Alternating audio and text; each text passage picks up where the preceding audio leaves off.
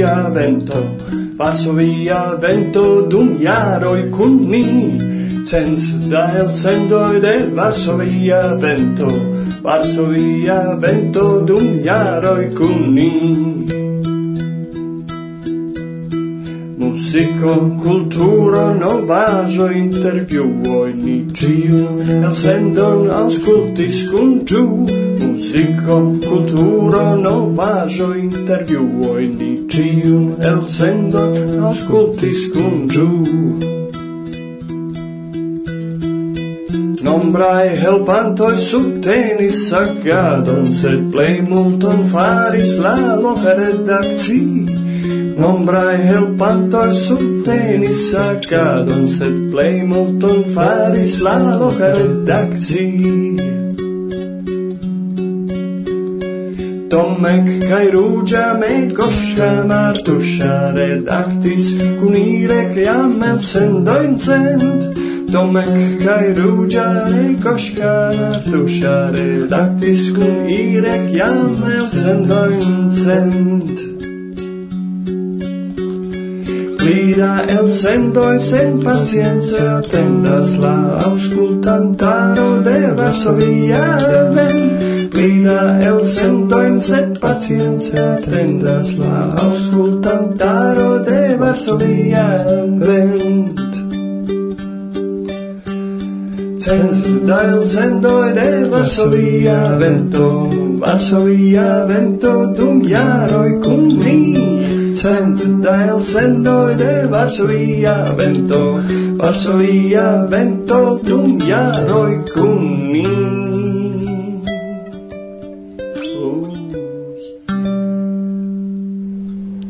Mi estas Mikaelo Linecki, pli malpli aktiva esperantisto el Kievo aŭ kiel Ukraine sonas tio el Kievo.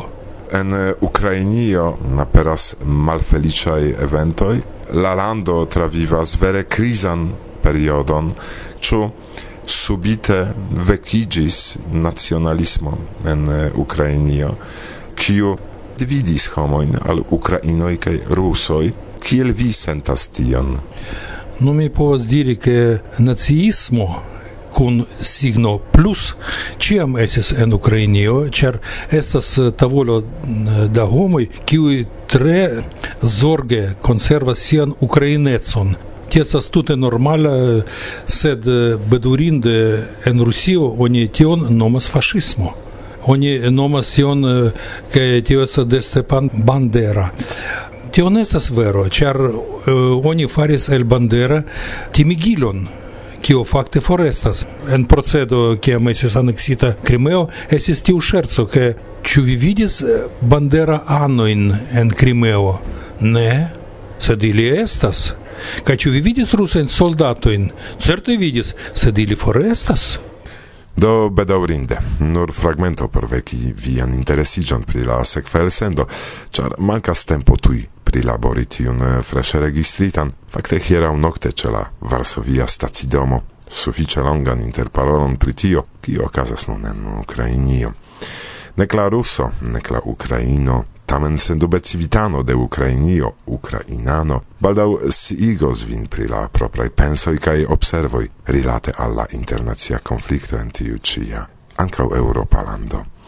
Iom da pacienco do carai cae nun Nun, eh, kion la la i trovis interesa en la lasta eldono de contacto, kion cetere vi abonu por malkovri un pli multe. Bla, bla, bla. Naŭdek tri, como tridek du, fomo. Varsovia Games. Podos per cana gi brulas Ven forte agas Kie fumo iras Se tute al oriente Kio signifas? Rete blovas vental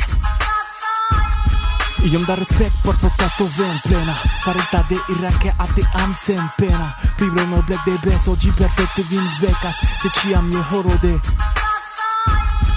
Sen fine rondele mi rimas Same all'eterne mi respondus Che mi crimas Fairon interne più forta ol de primo Kaj se lasta vencas mi vojaĝu al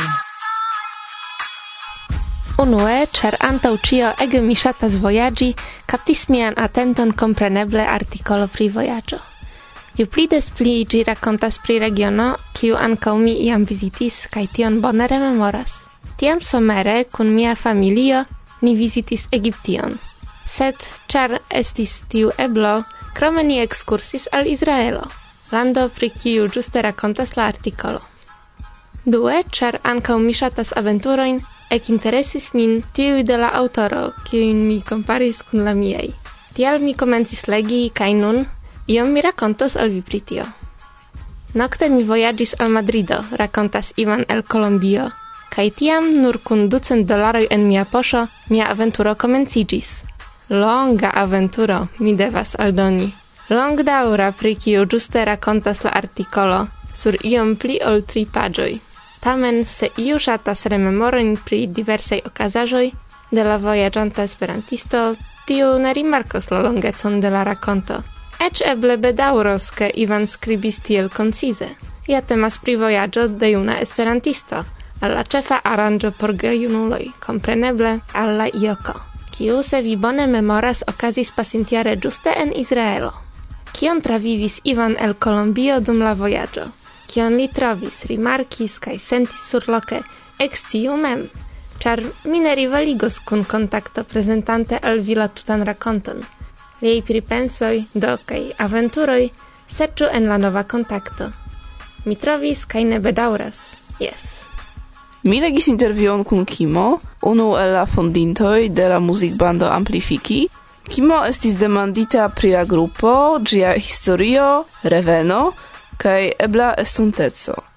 La bando Amplifiki estis la unua rockgrupo, kiu lanĉis kasedojn kaj koncertis kun relativa sukceso en Esperanto. Amplifiki ne plu ekzistas jam ekde dudek jaroj, sed nun – dum tiu ci internacia junulara festivalo en Italujo, en Castel Sardo, la grupo recunigios por fari unu concerton. En la interviuo, Kimo racontas pri comenzoi de la bando cae pri gia successo.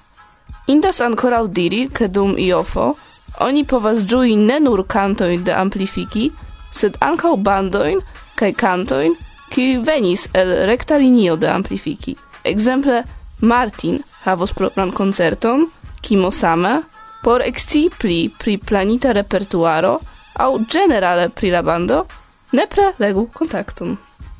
Kaj en kontakto mian atenton varbis recenzo pri libro de Noam Chomsky, lastjare tradukita en Esperanton.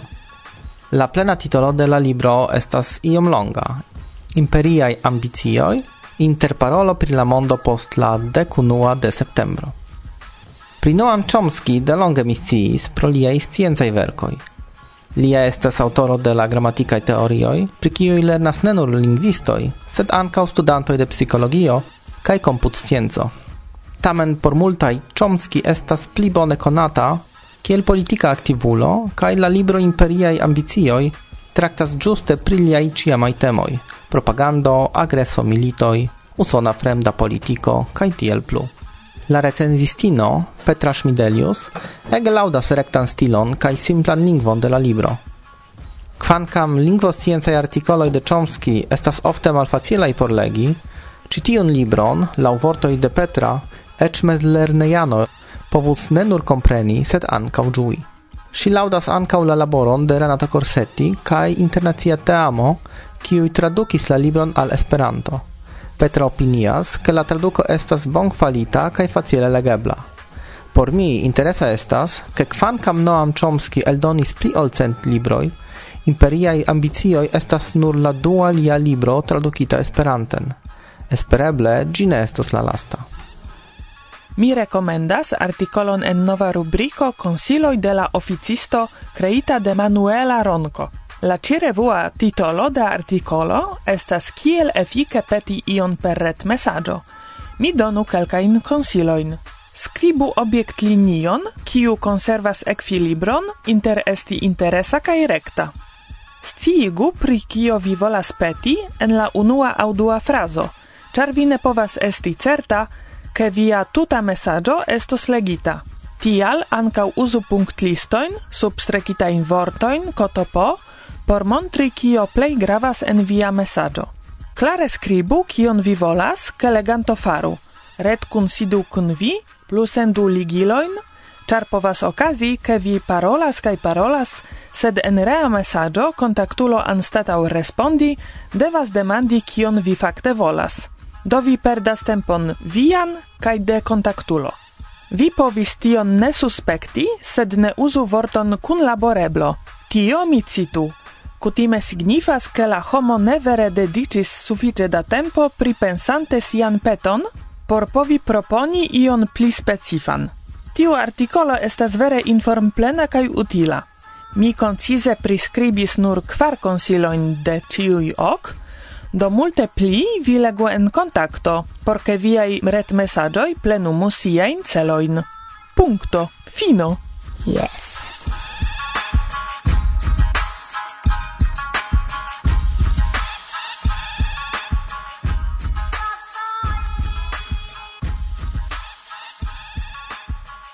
falso via vento, bla bla bla. Ĉi tie parolas Tarcisio Lima el brasilo componisto kaj cantisto mem akompananta gitare. Mi salutas al ciui audantoi de nia tutmonde auscultata radistazio Varsovia Vento, cefe cae speciale al tiui kiu in placas miei vercoi. Mi profitas la ocason por danki alla skipo de nia cara radistazio, kiu kun competentezzo bon volemo zorgas pri la perado inter ni la verkistoi la muzikistoj kai la internazia publiko forte valorigante nian transnazian Esperanto-kulturon. Dankon, tutcore dankon.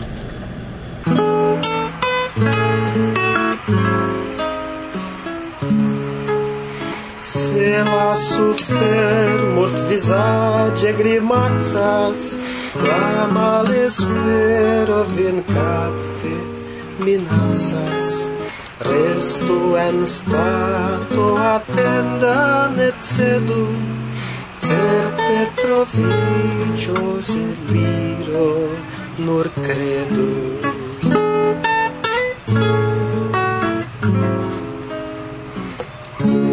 Eble penseto savanta subite, quasau hazarde cae neatendite, en anim turbentita ec germos, la malesperon radice extermos, credo nenio ia dauras eterne, sangas kai floras la koro alterne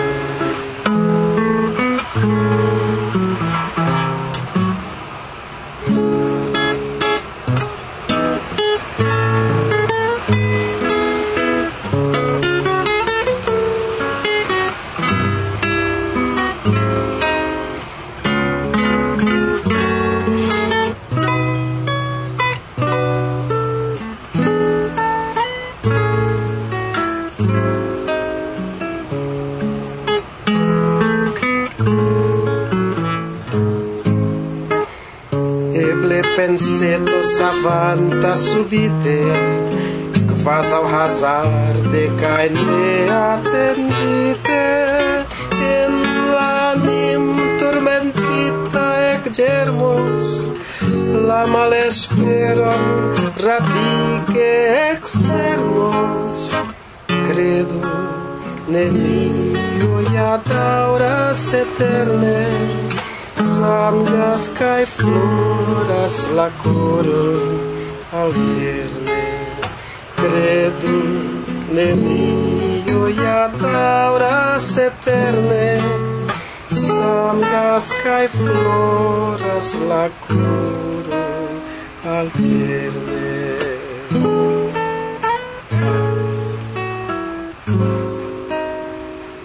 Varsovia. Advento al sendoi. Saluton, mi esas Kimo, Kim Henriksen el Copenhago. Mi esas musicisto, arrangiando iam precisando de la Dana Esperanto Societum ok jaroj, kaj la loka klubo en Copenhago ango, mi esas presidando dum du jaroj. Kaj es fakte iam in okdekoj mi esas presidando de la junularo en Danium.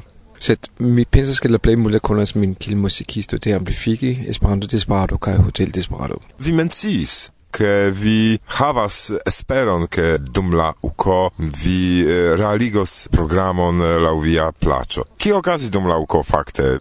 Ehm um, dek tago anto congreso mi esis finfine invitata kai eh, mi fas concerton tie kaj mi instruis popoltantojn mi fas prelegon pri rockmuziko. Ĉu multaj homoj partoprenis? fakte ne tro ta unuenæses in programo Do fakte ne niam aperis in tiu tiu taga gazeto.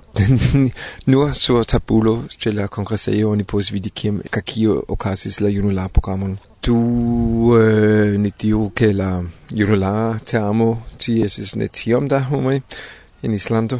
Mi pensus che la centro officio eble iam povus helpi al junularan organizon pri tion pli bone alian fojon. Mi povus imagi che ili povus havi ion pretan per ili kiel manie. Interlie tiam mi sis, che la solan tagon che mi pensis che ili volis medi ion en la tiu tagon kaseton, tiam montriĝis ke tiu la excusa tago kaj tiam ne aperas la kaseton kaj tien siojn tia junulara teamo devus havi de la constanta kongresa secretariando, ne? Do Eh, mi pensas che esas spazio po pli bonigo de tiaj agoj. Kiam oni organizas grandan aranĝon, grandan eventon, ofte oni eh, rimarkas kelkajn aferojn, kiuj estas fakte gravaj, ĉar se ni ne zorgos pri la junularo, kiu estos poste. Tio estas bona demando kaj tiun demandon ŝajne kune kun kim mi ne sendas al Rotterdamo. Do dancoj, koncerto, kion vi rakontis pri rock muziko? Do Jamen, så sparer til at komentere historio en Esperanto mi chefe parolas specion. Samtempe ni venis alio concludo ĉe venis pluan homo de radio Mosaico kaj estis tre interese fina diskuto pri kia maniero ni disvastigu tiajn sciojn kaj generale pri muziko do ankaŭ vi scias la lastan dua jarojn la belarta konkurso eh, fin finfine ĉesis disdoni in premiojn al la kantaj eh, puteaĵoj kai mi pensas generale ke ili ne tro pripensis ilin dum jaroj kaj ne havas eble iun precizan politikon pri Samtidig samtime mi polis kun eh, Mikela de belarta konkurso kaj faris proponon al si ke eble oni prenu tiujn el kiuj estis de la lasta jaro kai donativen alla commentado stato ke homo mem sentu al tio ĉar inter ni kantistoj muzikistoj ne ni neniam vi mem ankaŭ sis kiel funkcias tion belada konkurso kai la dialogo mankis. Kai do tio ke mi pensas al homo fitonkin kai michela li pari Lipari tu simle ke li havu la dialogon kun tio parto de la kulturo. Ĉar estas tre chefer på la lingvo do mi pensas che la belardo concorso se mi pone comprenis sin estas giuste po che oni el conu la lingvan scriban kulturen pardon kai chala musiko es so sehr go skribite au oni autas din au oni vidas din zu textoin die es parto de ti kai se mi autis ke ili tre positiv de ti um, propono kai mi auto joyas tre ti dialogo kai parolado kun ti parto de la kulturo ke la mi es granda parto de la specifica junula Esperantao tia maniera oni povas havi pli grandan antendon al la Esperanto-kulturo kaj la belarda konkurso, kiu laŭ mi estas bona ideo, sed oni nu devos, kiel ili mem ankaŭ scias, pli renovigi din kune kun la kulturaj partoj, kiu tiutage laboras per tion sonon. Ĉu ankoraŭ io pri uko valorindas mencii? Do unue mi volas di mi tre tre ĝojis ke venas tiun novan estraron kaj mi havas grandajn antaŭ esperojn Do, mi vidis kiel havis multe diskute kun la homoj, aferon kiu eble nur daŭras unu horo, daŭras tri horoj, ĉar tutsimple oni ne volus ĉesi tiajn diskutojn kaj oni eksciis ke oni venonjare eble kan ke tiujn daŭrigu. Med tio tre sjovt kan jo kaos en mere proper landa associo der tio en vere ne reiters diskuti i og det er nu lei stavo en mere landa kio reiters det si de kai en nær mi lige informas nin mem do då er de personer det mi. Kan tio joyas almi kala universala, altså sige, okay, ili egas tierne, er for tio øh, blev spreble på stående tioner, eller alia et landa øh, organiser, tja messiaske, øh, ne sole mia danner af så altså sige, så stiger problemer, så angår en mulder alia landa, så skal ekstra noget, net tro, blev skuldosla, men på kai Okay, tio tiosus grande joia, mi proponis rette, eller sola propone så kan ni kiel kvinde gjerde er uløg. Der er var sendt sådan en, tror, junior på Vinja eller Universaler Kongresser, sådan noget. kreativ. Mi penso che è universale congresso e bli prenotivo i Josefsene, sa niesas mulle homakio. Fakten ne nur shatas klassiker musik. Und klassiker musik und es ist bonege, set min ne comprenas que esas tiam da alia en artisto en kiu neniam esas invitata kiel Martin Wiese, en Charlotte Dosso, en tien kiu povis juste allogi kai junajn homojn finde etsnik kvindek jarulojn povis sendi nin pli allogatai al tia agoniso. Ne nur temas pri musiko, sed la kulturprogramo de la IOK esas granda, kai esas granda gapo inter IOK kai UK. Kelfoj dem dekiaŭ ne partoprenis UK, så mi vere enuis veni al la UK. Pensas que es multa bona afero ca mi sias que la UCO havas tiun celon que ti devas esti la flago de la asesio, ca ca havi tiun rilaton al pli seriosa parto e presidento kaj kotepo. tullebonde gamisiesca devas esti diferenco inter IOK kaj UK. Se mi ne komprenas ke devas esti tiom granda gapo ke kiam oni daŭre estas kvindek jaroj oni daŭre prefere at al alla IOK alla UK en kami sies che mi nessa sola se mi paroles con mia mal nova IOK congressano e ca ili same pensas ne? Do mi havas impreson che ne cio fakte dependas de UA sed de loka kongresa komitato ki antaŭ preparas kongreson kial ĉar mi organizis la junularan programon kaj UEA sen probleme konsentis ke aperu dum eh, uh, UKO en Bialistoko supernova kaj UEA volonte konsentis tion ĉu ne? Do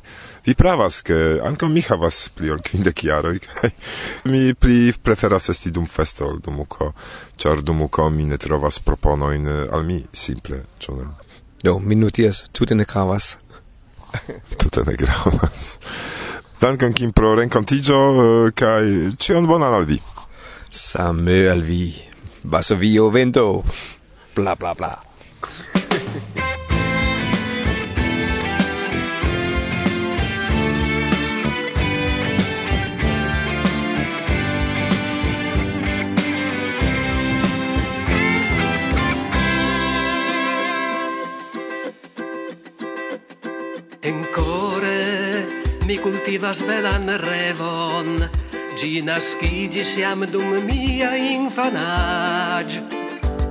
Mi crescis, cae mi prenis kiel devon, Lucti por gin realigi cum curag. Mi revas pri estonta nova mondo, Kie regas la justezo la liber, ciui homoi en fratezza granda rondo. Cum laboras por la pazzo la prosper. Cum respecto por naturo cae medio. Giuas cune la ricciaggio in de la ter o oh mondo o mondo en via sunt ne plu venute la milito la hont sed estu fiero cae granda honor por ciui nazioi vivadi en pazzo cae glor Varsovia vento, bla bla bla. Carei, acceptu miajn iomete malfruitajn, sed desiro in can gratulo in de della centa elsendo de verso via Vento.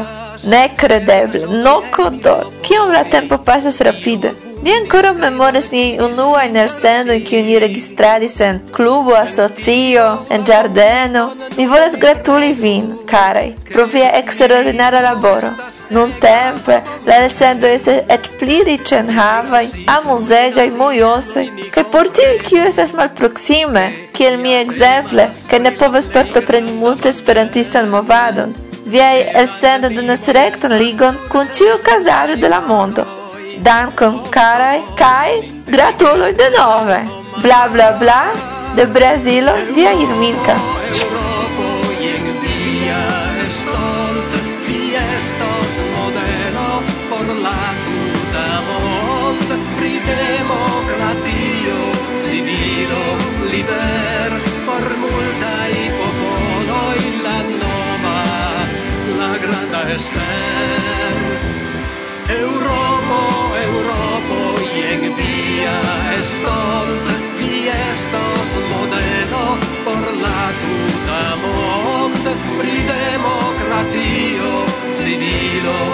per por multaj popoloj la nova, la granda espero.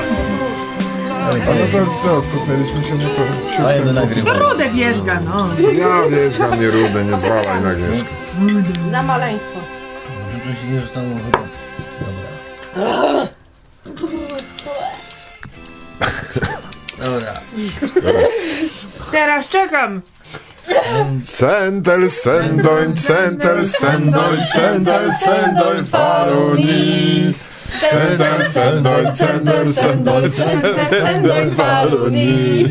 Bone gaje kai felice, centel sendoin faru ni. Faru ni. yeah. ja, ja. Genau. Ähm, mein Komponente. Ja tam wesele śpiewałem. No to... Yes.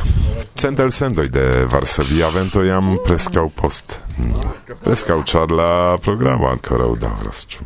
Imago che pri laboro de nur unu duon hora parto stelas pli mal pli du tri vespero in de kelk hora sin dedicio ce la computila ekrano. kai plej ofte ja parto estas tri kelkaj el intervi vidis min eh, in dum tiu laboro kaj scias bone scias pri kio mi parolas Se la sonmaterialo abundas au pro diversai kialoj, kiel mi diras, estas malfacila, ni bezonas pli da tempo. Tiam eh, quasau malaperas semajnfinon, se estas bela vetero, estas malfacile.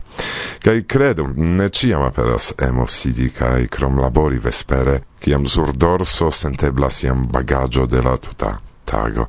En tiuj momentoi, multe helpas imago, ke gravas forgesi pri lazo, char Tamen iu atendas novan elsendon, che por iu, ie en la mondo, nia programo farigis grava kontakto kun Esperantujo. Ne multas tiui signoi fakte, ne multas ancaure agoi de vi, bedaurinde. Li tre ĝojas, char eh, tia maniere la kontakto kun vi estas iel videbla, ne nur por mi, sed ancau por la junaj geamicoi de nia redakcio. Tamen tiu fortodona bazo de energia estas la statistikoj. Tiuj montras generale inter tri ĝis kvar mil elŝutoj de unu elsendo dum monato, kaj klare mi memoras kiam post aperigo de la tria elsendo ni excitiĝis pro kvindek elŝutoj. Do kion diri? Clara intenso de niei programoi ec de comenzo estis montri che malgrau pessimismai teorioi de depresiei unuopuloi Esperanto kaj ĝia kulturo evoluas kaj fartas bone. Kaj ŝajne dum tiuj ĉi centelsendoj tion ni sendube pruvis.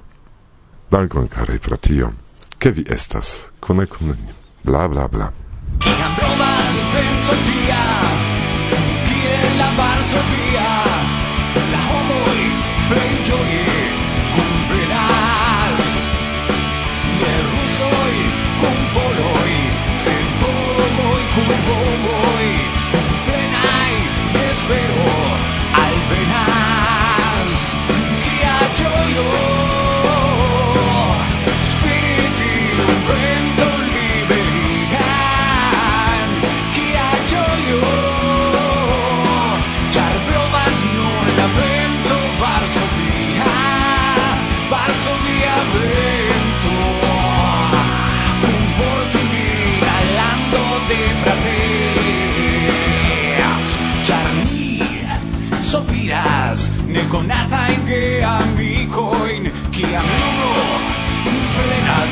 la chiel.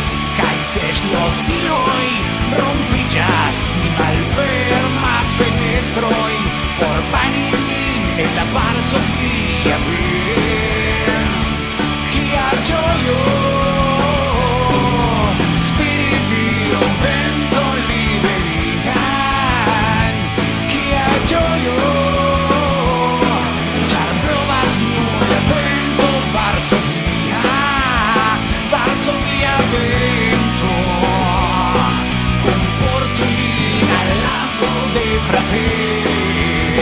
past, and so we are free.